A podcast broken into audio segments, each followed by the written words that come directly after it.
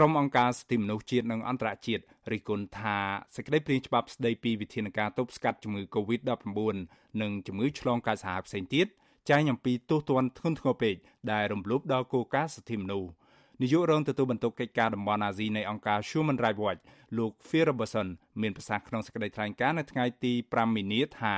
ទោះទណ្ឌជាប់ពន្ធនាគាររហូតដល់ទៅ20ឆ្នាំនិងទណ្ឌកម្មដទៃទៀតនៅក្នុងសេចក្តីព្រាងច្បាប់នេះគឺផ្ទុយទាំងគោលការណ៍សិទ្ធិមនុស្សនិងគោលការណ៍សុខភាពសាធារណៈលោកបន្តថាមេដឹកនាំខ្មែរគួរតែស្វះស្វែងរកកិច្ចសហការពីប្រជាពលរដ្ឋដើម្បីប្រយុទ្ធប្រឆាំងនឹងជំងឺ Covid-19 មិនមែនគំរាមពលរដ្ឋដាក់គុករាប់ឆ្នាំបែបនេះទេស្តៀងគ្នានេះដែរនាយករងទទួលបន្ទុកផ្នែកឃ្លាំមើលសិទ្ធិមនុស្សនៃអង្គការលីកាដូលោកអំសមាត ព្រួយបារម្ភថាច្បាប់ដែលមានការដាក់ទោសទណ្ឌធ្ងន់ធ្ងរលើអ្នកល្មើសនឹងបង្កជាការលំបាកដល់ពលរដ្ឋដែលមិនបានយល់ដឹងអំពីច្បាប់នេះជាបរដ្ឋបើសិនជាគាត់យល់ដឹងអំពីបញ្ហាច្បាប់ហ្នឹងមិនអីព្រោះគាត់អត់ទាន់ដឹងអត់ទាន់យល់ហើយព្រោះច្បាប់ហ្នឹងប្រកាសជាបញ្ញាទៀតបាទអញ្ចឹងយើងក៏បារម្ភថា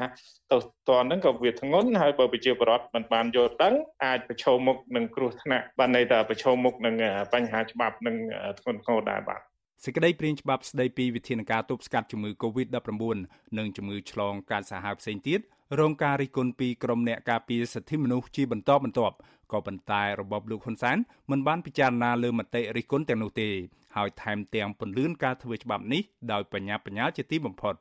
សមាជិកសភាឯកបៈនៃគណៈបកប្រជាជនកម្ពុជាដែលបានចូលរួមកិច្ចប្រជុំចំនួន83នាក់បានលើកដៃស្រុះគ្នាអនុម័តសេចក្តីព្រាងច្បាប់នេះនៅព្រឹកថ្ងៃទី5មីនារួចបញ្ជូនទៅព្រឹទ្ធសភាភ្លាមៗនៅក្នុងថ្ងៃដដែលដើម្បីបន្តនីតិវិធី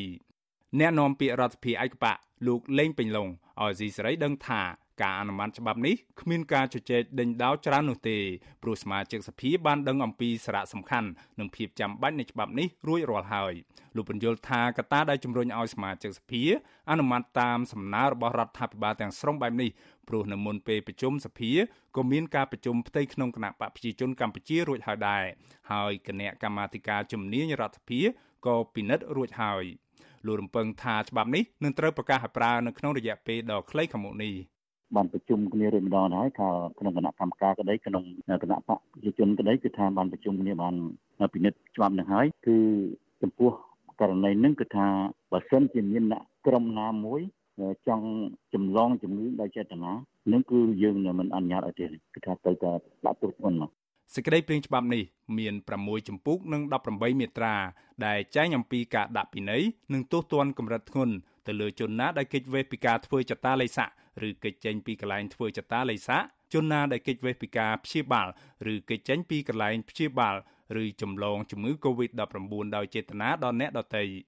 មាត្រា9នៃច្បាប់នេះចែងថាអំពើចម្លងដោយចេតនានៅជំងឺ Covid-19 ដល់អ្នកដទៃត្រូវផ្តន្ទាទោសដាក់ពន្ធនាគារពី10ឆ្នាំដល់20ឆ្នាំ ការបើអំពើខាងលើត្រូវបានធ្វើឡើងដោយមានការរៀបចំជាក្រុម ឬអង្គការចាត់តាំង ប្រធានគណៈកម្មការទី7នៃរដ្ឋសភានិងជាកូនប្រុសពៅរបស់លោកនាយករដ្ឋមន្ត្រីហ៊ុនសែនគឺលោកហ៊ុនម៉ាណីបានបង្ហាញឆន្ទៈគាំទ្រយ៉ាងខ្លាំងនៅច្បាប់ដែលឪពុកលោកបង្កើតនេះលោកហ៊ុនម៉ាណីសរសេរនៅលើ Facebook ថា ច្បាប់នេះនឹងផ្ដល់ឲ្យរដ្ឋាភិបាលនៅឧបករណ៍អាចគ្រប់គ្រងជំងឺ Covid-19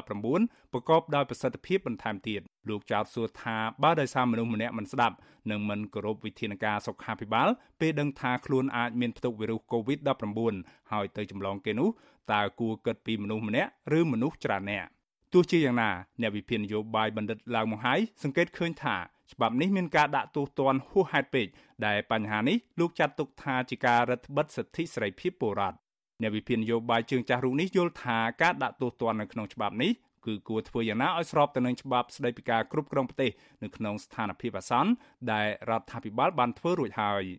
ខ្ញុំថាលើកលើកលែងតែដែលប្រទេសជាតិនៅនៅក្នុងស្ថិតនៅក្នុងភាពអាសន្នបាទ ក្នុងស្ថានភាពធម្មតាទេ គឺដាក់ទូទាត់ខ្លាំងពេកនេះដូចអានឹងគេអាចចោតប្រកាន់ថាជាការបង្ក្រាបណាបាទនេះគឺជាវិធានការបង្ក្រាប ចាប់តាំងពីផ្ទុះជំងឺ Covid-19 នៅកម្ពុជា កាលពីដើមឆ្នាំ2020មករបបលោកហ៊ុនសែនបានបង្កើតក្របខ័ណ្ឌច្បាប់ជាបន្តបន្ទាប់ដើម្បីទប់ស្កាត់ការរាតត្បាតនៃជំងឺនេះដែលមានជាអាចដូចជាច្បាប់គ្រប់គ្រងប្រទេសក្នុងភាពអាសន្ននិងអនុក្រឹត្យស្តីពីវិធានការចតាឡេស័កជាដើមទោះយ៉ាងណាក្រុមអ្នកការពារសិទ្ធិមនុស្សមើលឃើញថាក្រៅពីការបង្ការជំងឺ Covid-19 ក្របខ័ណ្ឌច្បាប់ថ្មីទាំងនោះក៏មានទិសដៅគៀបសង្កត់សិទ្ធិសេរីភាពជាមូលដ្ឋាន របស់ពលរដ្ឋដែរជាពិសេសពលរដ្ឋដែលមិនគ្រប់គ្រងរដ្ឋាភិបាលអង្គការឃ្លាំមើលសិទ្ធិមនុស្សអន្តរជាតិ Human Rights Watch ពិនិត្យឃើញថាសេចក្តីព្រាងច្បាប់នេះចាញ់មិនច្បាស់លាស់និងផ្ដល់អំណាចយ៉ាងទូលំទូលាយដែលអាជ្ញាធរងាយអនុវត្តដោយបំពានព្រមទាំងគ្មានយន្តការត្រួតពិនិត្យដោយឯករាជ្យឬកិច្ចគាំពៀតាមផ្លូវច្បាប់ត្រឹមត្រូវនោះឡើយ អង្គការដដែលនេះស្នើដល់ទីភ្នាក់ងារអង្គការសហប្រជាជាតិរដ្ឋាភិបាលបរទេសនិងដៃគូអភិវឌ្ឍន៍ដែលជួយកម្ពុជារឿងប្រឆាំងនឹងជំងឺ Covid-19 ឲ្យទៀមទាជាសាធារណៈទៅរដ្ឋាភិបាលលោកហ៊ុនសែនឲ្យលុបចោលនៅវិធានការធ្ងន់ធ្ងរនិងច្រានហួសប្រមាណទាំងនោះវិញខ្ញុំបាទមេរិតអាស៊ីសេរីរាយការណ៍ពីរដ្ឋធានី Washington